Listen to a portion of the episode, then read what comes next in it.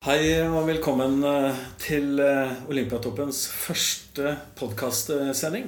Dette er episode én. Eh, og jeg er Morten Bråten, programleder.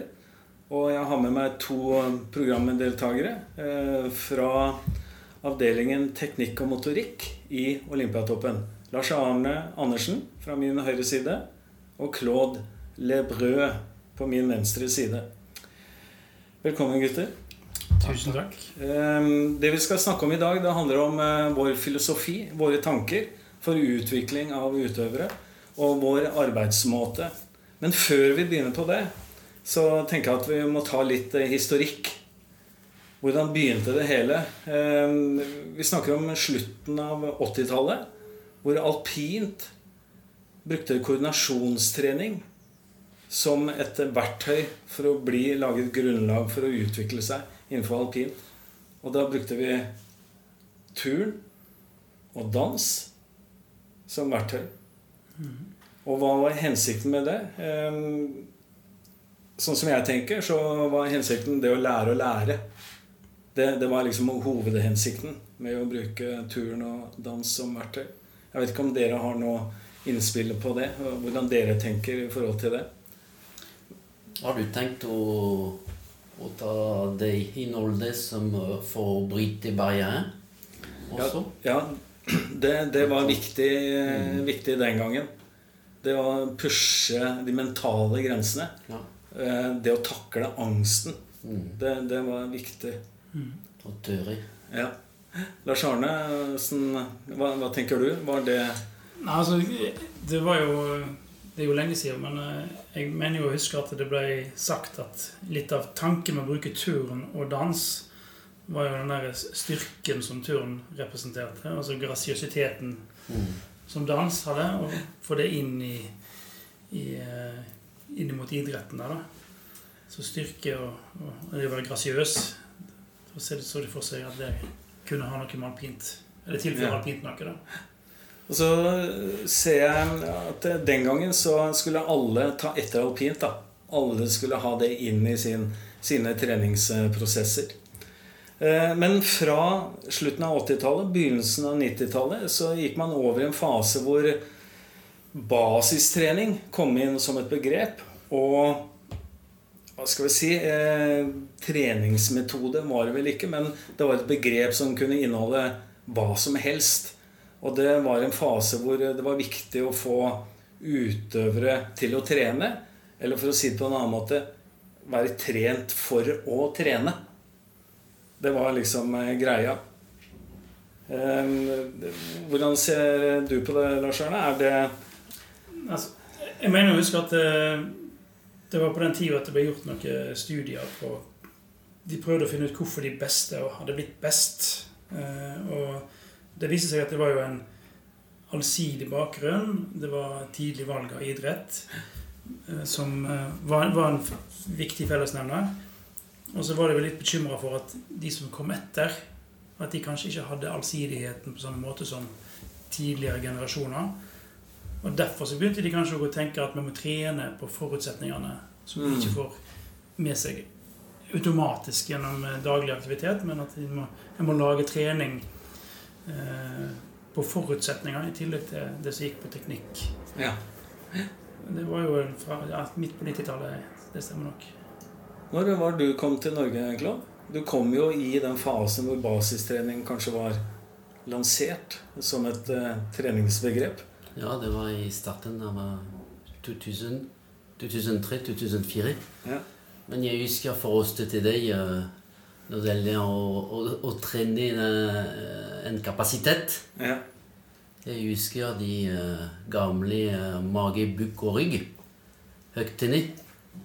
Ja. Og hensikt var å ordentlig å trene en kapasitet og, og, og gå gjennom uh, en øvelsesbank og tåle treningen. Ja. Det, var, det var mye, mye det. Og i dag så snakker vi fortsatt om eh, basistrening. Men eh, så kan vi si at eh, heldigvis så har vi utvikla oss, vi også. For å si det på den måten. I dag så har vi en mer sånn spesifikk tilnærming til idretten og den motoriske ja, jeg kan kalle det motoriske kapasiteten, tekniske kapasiteten til idrettene. Og da, da, er vi jo inne på dagens eh, tema. Eh, hvis jeg ikke fikk sagt det i startfasen her, sånn, så handler det om filosofi, tanker og arbeidsmåter. Hva, er, eh, hva er, essensen i filosofien vår, gutta? Hva er, hva er hovedinngangen når vi begynner å jobbe med utøvere og idretter? Hva, ordet er fritt. For meg, hvis jeg får lov å, ja. å starte på, det, på, dette Det handler om uh, å skape en teknisk utvikling på ulike arenaer. Fra gulvet til øh, snøen, banen, isen. Men det handler over det essensen handler om å skape en teknisk uh, utvikling. Ja. ja. Og kanskje hvis vi ser litt på historien, så Jeg husker da jeg begynte å jobbe med med teknikk og motorikk, Når det heter basistrening, så var på en måte hadde tiltaket på en måte en verdi bare Du fikk tiltaket, så fikk du det, det du trengte. Mens i dag så ser vi jo veldig mye mer på hva idretten krever. Ja. Og kapasiteten til utøver. Og så tenker vi tiltak. Uh, og jeg tror, tror på den røde tråden ifra Eh, hvis du tenker deg et tiltak gjort på parketten eller i, langt unna konkurransearena, så må det være en veldig tydelig rød tråd. At det tiltaket ser både du, trener og utøver, ikke minst, at har en hensikt som mm. bygger opp under eh, prestasjonen til sjuende og sist. Ja. Så den, For meg er filosofien er veldig viktig at det har den røde tråden i, i tiltakene. Da kan vi kanskje si at vi trener, utfordrer, veileder, coacher en utøver. Ja, Fra gulvet til uh, en prestasjonsarena. Ja. Jeg tror da for 20 år tilbake så drev vi med instruksjon. Ja. That's it. Mm. Det er her en øvelse. Gjør du den, så blir du trent til å tåle trening. Mens i dag så er det mye mer sammensatt, som du sier, Claude. Og så var det mer uh, happenings, tenker jeg tidligere. Var mer tilfeldig. Det var snakk om å skape litt uh, moro i, i turnhallen. Og pushe grenser. En alternativ trening. Alternativ trening, ja. Og det har vi gått bort fra i dag. Ja. Eh, men hva, vi snakker om eh, liksom, hva er hovedessensen her. Men hva er innholdet i motorisk trening? hvis vi vi snakker ikke om basistrening lenger, men motorisk trening. Tilrettelegging av motorisk eh, læring. Og så snakker vi om overføringer av ferdigheter. Hva, hva, er, hva er, det faglige innholdet i, i, det som vi holder på med? Det er flere ting. Ehm, jeg tror at pedagogikk er blitt mye tydeligere inne i bildet nå enn tidligere. Vi har en pedagogisk modell på en måte som er prøver å, å jobbe etter.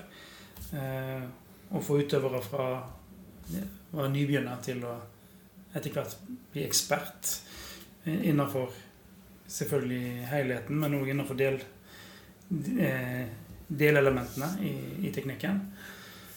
Så den måten vi formidler på, eh, altså formidling, er ja. en veldig viktig brikke i, i, i, dette bildet, sånn som jeg ser det. Ja. Ja, det, det, det, er en del over, litt sånn overordna. Eh, også, tenker jeg også litt på hva er, det, hva er, det, vi gjør på gulvet? Hva er det vi jobber med? Hvilke fagområder er det vi jobber med i, i treningslæra? Er, er, det mobilitet? Snakker vi om stabilitet? Snakker vi om koordinasjon? Snakker vi om eh, å utvikle kognitive ferdigheter? Hva er mobilitet? Hva er stabilitet? Vi har som mål uh bevegelse, bevegelsesløsninger.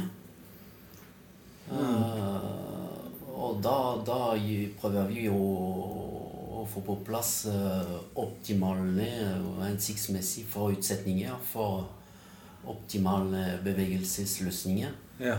Så er det uh, Det handler mye om å kunne se og kunne endre en bevegelse, ja. først og fremst. Og, synes jeg. Og da, da, da, er det, det handler om mobilitet, stabilitet. Uh, men også hvordan uh, det setter seg sammen ja. i en bevegelse. Ja. Og da stiller vi masse spørsmål. Ja, styringen, av, altså styringen ja. av, bevegelsen er jo ikke bare hva bevegelsen består av, men hvordan oppstår og styrer bevegelsen, eh, oppstår bevegelsene. Hvordan styrer bevegelsene. Ja. Hva er frihetsgrader? Når jeg er nede på gulvet, så hører jeg snakk om frihetsgrader.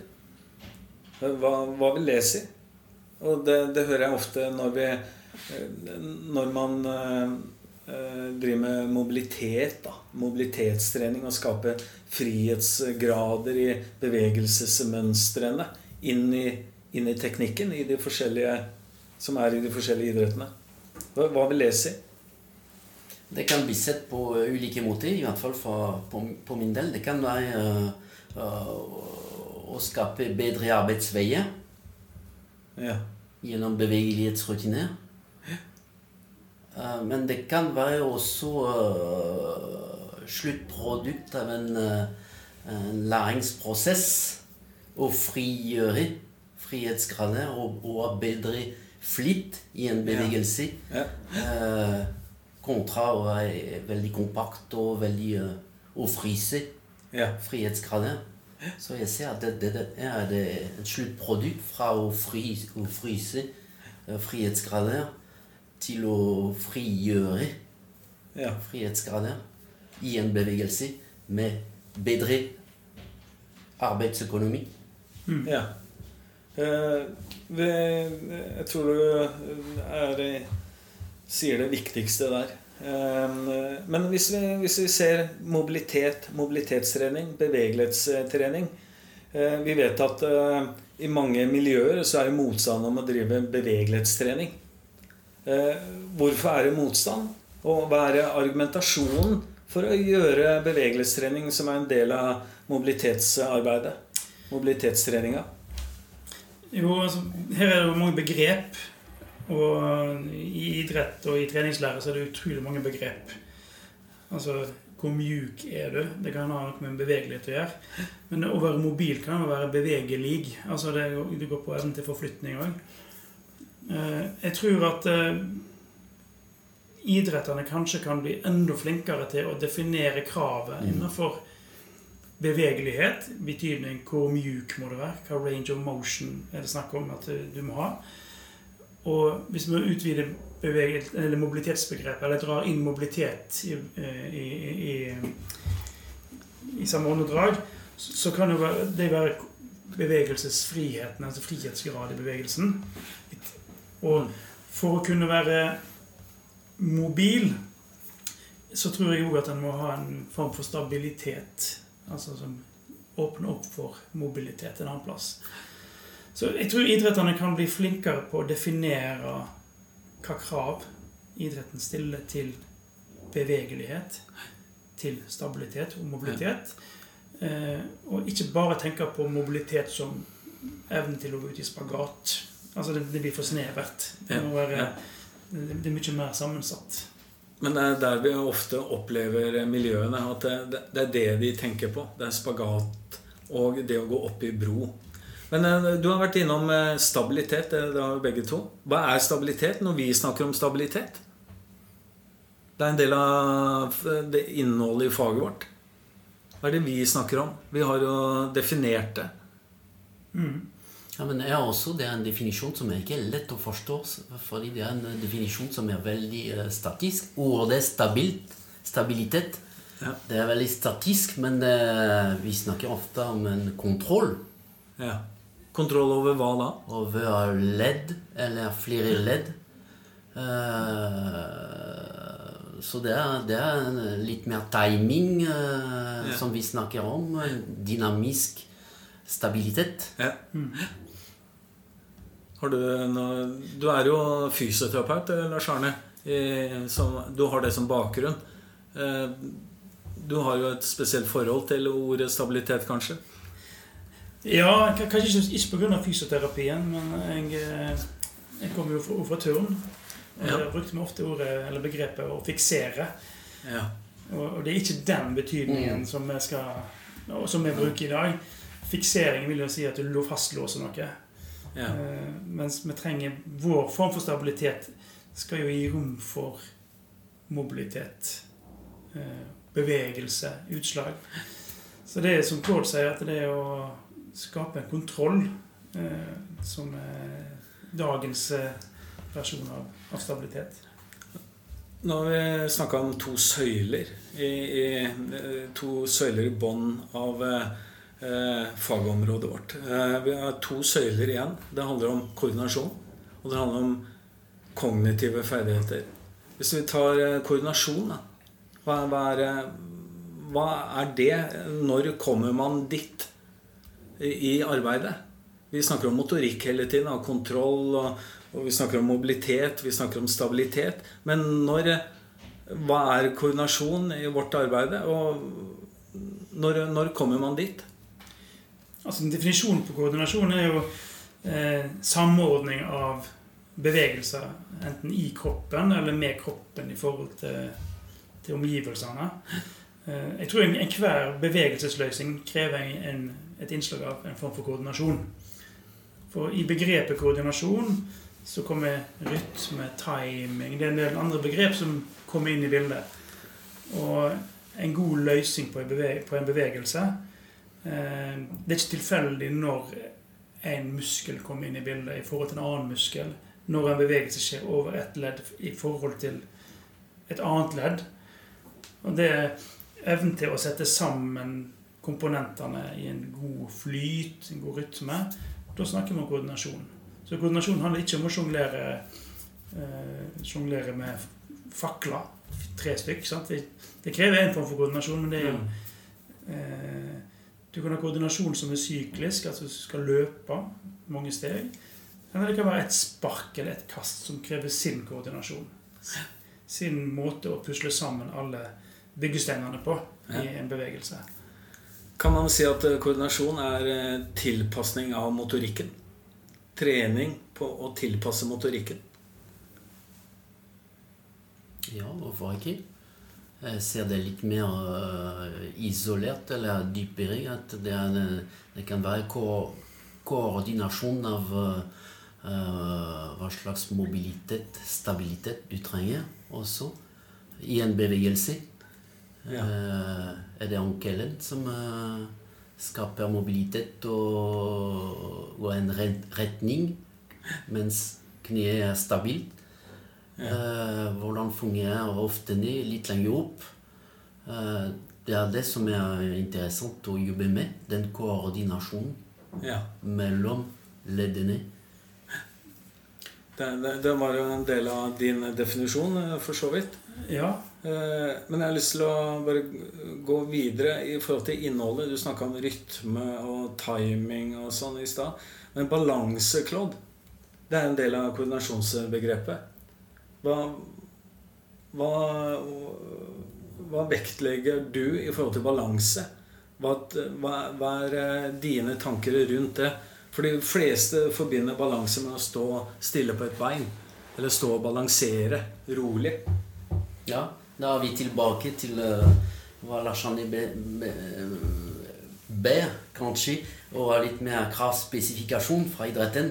Ja. Hva er balansen for en skihopper? Hva er balansen for en, en håndballspiller? Og det er, det er, det som uh, kanskje uh, gir rom for en spesifikk metodikk. Ja. Og, ja uh, skihopper det handler ikke bare om utfordre balansen statisk, men de skal eh, treffe balansen på oppkanten. Ja. Og jobbe med det. Eh, det handler om å stimulere akkurat det med underlaget som rullerer, som uh, rollerblades og skateboard, og, uh, og skape en dynamikk.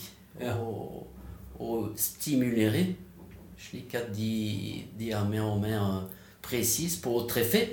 Ja. Du, du, hadde et innspill her. Ja, jeg vil litt tilbake til, ja. til koordinasjon. For roing er en av idrettene som jeg eh, jobber med. Og da ser vi eksempel på noen som er ekstremt sterk i, under visse betingelser. Du har romaskin, og så har du robåt. Og det blir litt ulike betingelser for, for, for for å, å, ro på maskin og i båt. Og da kan det være folk som en kan måle som er mye sterkere i, i, de, i de, muskelgruppene som skal levere kraft i, i, roing. Det er bein, og det er overkropp, og det er arm. Men i robåt så kan det være noen som scorer mye lavere på en del ting, som klarer å levere mer ut. De har en måte å sette sammen det de har, Eh, og, og, det de skal gjøre i en robåt, er jo egentlig å bruke beina og sparke et fotbrett. De sparker båten slik at den flytter seg. Og Da skal en tenke seg at den sterkeste sparker hardest. Men i betingelsene hvor det kreves en presisjon, så kan det hende at den som ikke er sterkest, er ekstremt god på å samle kreftene i rett retning. Mm. F.eks. når du er i en veldig instabil båt og på den måten overgår den som er veldig sterk. Så Derfor er det kanskje de som er kjempegode på romaskin, de er ikke automatisk like gode i båt. Ja. For det krever så mye mer presisjon. Og det kan vi ta inn koordinasjonsbegrepet. Vi kan ta inn balanse som en del av det. Timing som en del av det. Ja. Eh, så, og der er vi litt inne på hva vi holder på med. En kunne tenke seg at i, i roing så skal du bare være sterk der og der og der, og så skal du bare få det ut. Men det er en presisjon som skal inn i bildet her. Mm. Hvis du skal opparbeide god balanse på ski, hjelper å trene, trene på balanseline ute i hallen vår da? Er det, er det, metoden? Blir man bedre i skibalansen ved å gå på line? Hva tenker du, Morten? Jeg tror Jobber du mye med ski?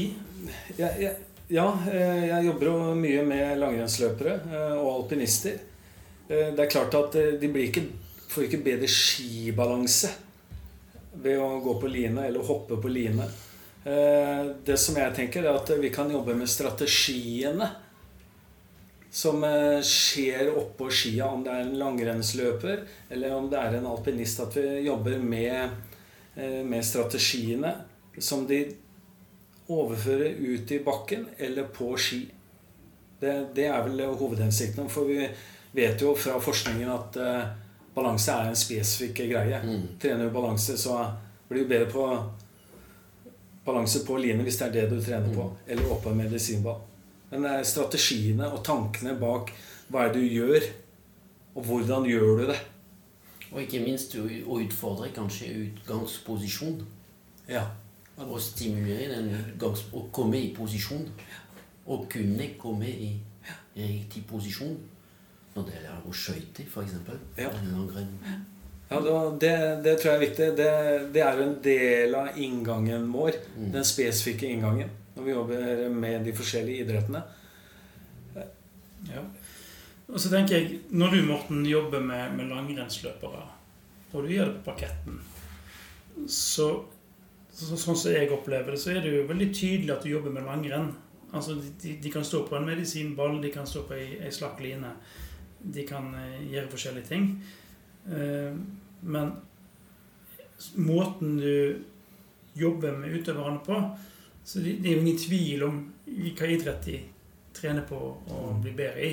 Hva, det, hva grep bruker du for å få spesifisiteten opp eh, i, på paketten?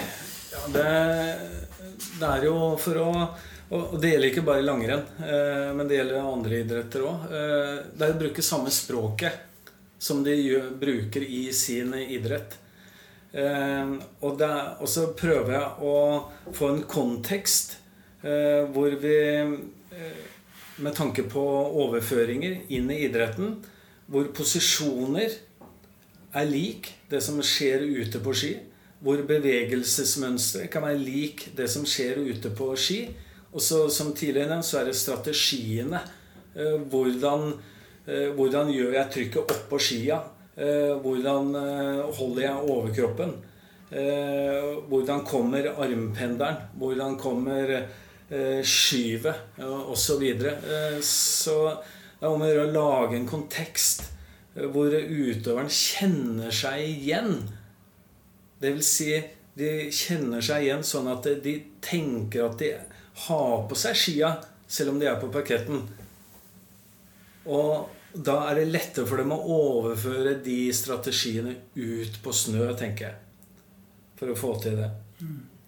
Eh, vi, vi, kommer jo mer inn på det som har med spesifisitet i, i forskjellige idretter. Vi skal eksemplifisere det i, i de neste episodene.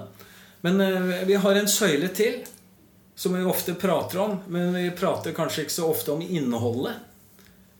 Utvikle eh, ikke koordinative ferdigheter, men kognitive ferdigheter. Hva, hva, hva, hva, er det vi mener med det? Hva, legger vi i det? Vi er med på å utvikle en kompetanse. En ekspert. Eh, ikke bare motorisk, eh, men i hodet. Han skal bli bedre eh, i hodet og håndtere eh, de situasjonene og utfordringene. Og jeg tror det er en viktig del av eh, vårt arbeid også, den coaching-biten, som gjør at vi, vi, er, vi, er, med alle sammen på mentale og kognitive prosesser samtidig. Ja. For å få utøveren å forstå å zoome, å kunne zoome inn og ut av en øvelse og koble sammen uh, den øvelsen med spesifisiteten. Ja. Uh, og kunne vite hvor den øvelsen, den øvelsen som han jobber med, skal komme i det tekniske bildet. Så det er en del ting som, som handler om å bygge en, en kompetanse hos en utøver.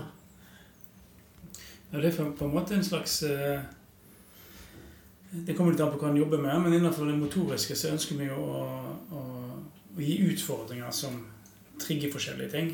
Ja. Og en ny utfordring vil ofte stille større krav til det, det kognitive. Altså måten en bearbeider og skal løse problemstillinger på.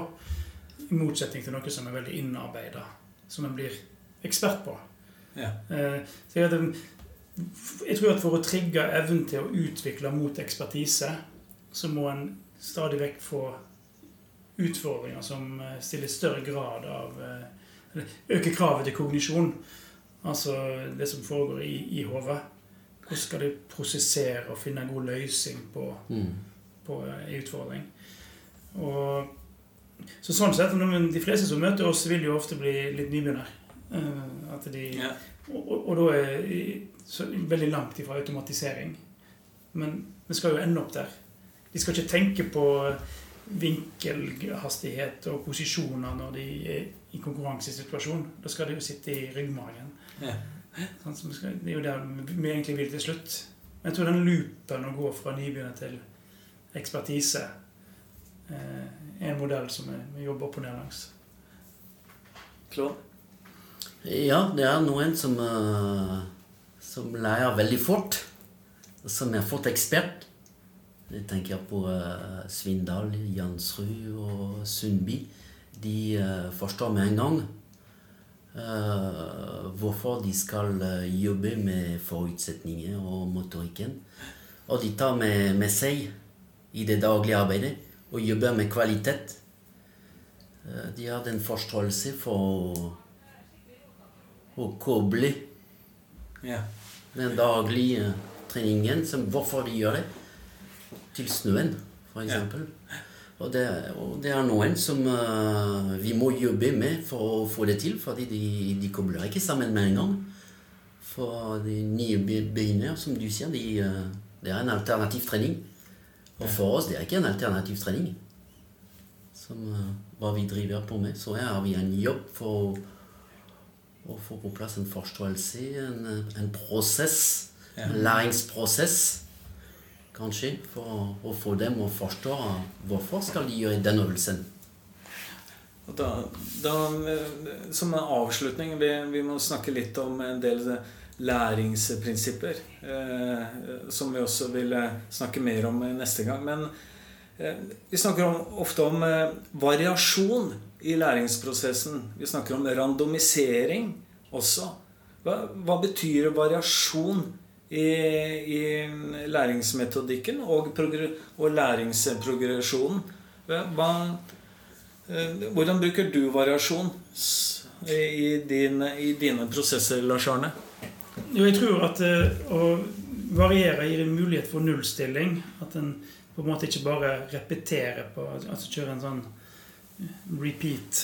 Bare gjenta forrige en gang til. Ja. Uh, hvis du stiller krav til at nå må du nullstille og prosessere litt på nytt igjen før du tar en, en ny, en ny uh, repetisjon, så tror jeg at du involverer mye mer av det kognitive. og jeg liker å jobbe innenfor tema. Så innenfor et tema som kan være noe som er i, en idrett, f.eks. streamline i svømming, eller bølgebevegelse for kick i svømming, så kan jeg ha veldig mange forskjellige tiltak som har som mål å bedre den eh, kvaliteten. Men jeg kjører ikke samme løype om igjen og om igjen. om igjen. Et bilde som jeg stadig vekk bruker, er jo at når du lærer matematikk, så når du har lært åttegangen, så kan du repetere og skrive 8 ganger 8 lik 64. Om igjen 100 ganger. Mm. Men du blir ikke flinkere i, i, matematikk og gjenta det du allerede på en måte har bekreftet at du kan. Da trenger du en ny utfordring. Da kommer nigangen. Og så Sånn er det for motorikken òg. Jeg tror at du må Det er fortsatt ganging, det er fortsatt matematikk, men det er en ny vinkling på som eh, kan eh, løfte sluttresultatet. Det var et godt bilde. Altså, tema er matematikk, tema er streamline, men jeg trenger ikke kjøre samme øvelsen om igjen tolv ganger. Jeg liker å variere. Vi kan si det på en annen måte. Det er, det er ikke hele tida at to pluss to er fire. Det kan være fem, det kan være tre. Eh, vi jobber med bevegelsesløsninger, og det er ikke to like bevegelser. Og da er det viktig å jobbe med variasjon og stimulere stimulere. Er det andre grunner til at du bruker variasjon? Er jo litt kjekkere å ha litt variasjon i trening og ikke bare gjenta til kjedsommelighet ja. rutine. Er du svømmer, f.eks., så er det kjekt å få litt variasjon, ikke det? Jo, men, men jeg tror, telle fliser i Motivasjon. Ja, jeg tror du er inne på noe ja. viktig der. At du, eh, noen ganger så varierer du for å for å gjøre noe med motivasjonen i situasjonene. Men jeg tror variasjon i forhold til det å skape en utøver som er god til å tilpasse seg mm. Eh, skape en utøver som uh, har lettere for å finne sine ideelle løsninger. Uh, det tror jeg er viktig. Med, derfor er det viktig med variasjon, tror jeg. Mm. Så vi vi skal ta opp eh, noe av den tråden eh, i neste episode. Eh, men jeg vil takke dere begge for at dere tok dere tid til å diskutere innholdet i teknikk og motorikk. Avdelingen sin filosofi og arbeidsmåter. Så takk til dere, gutta. Takk, takk. Like.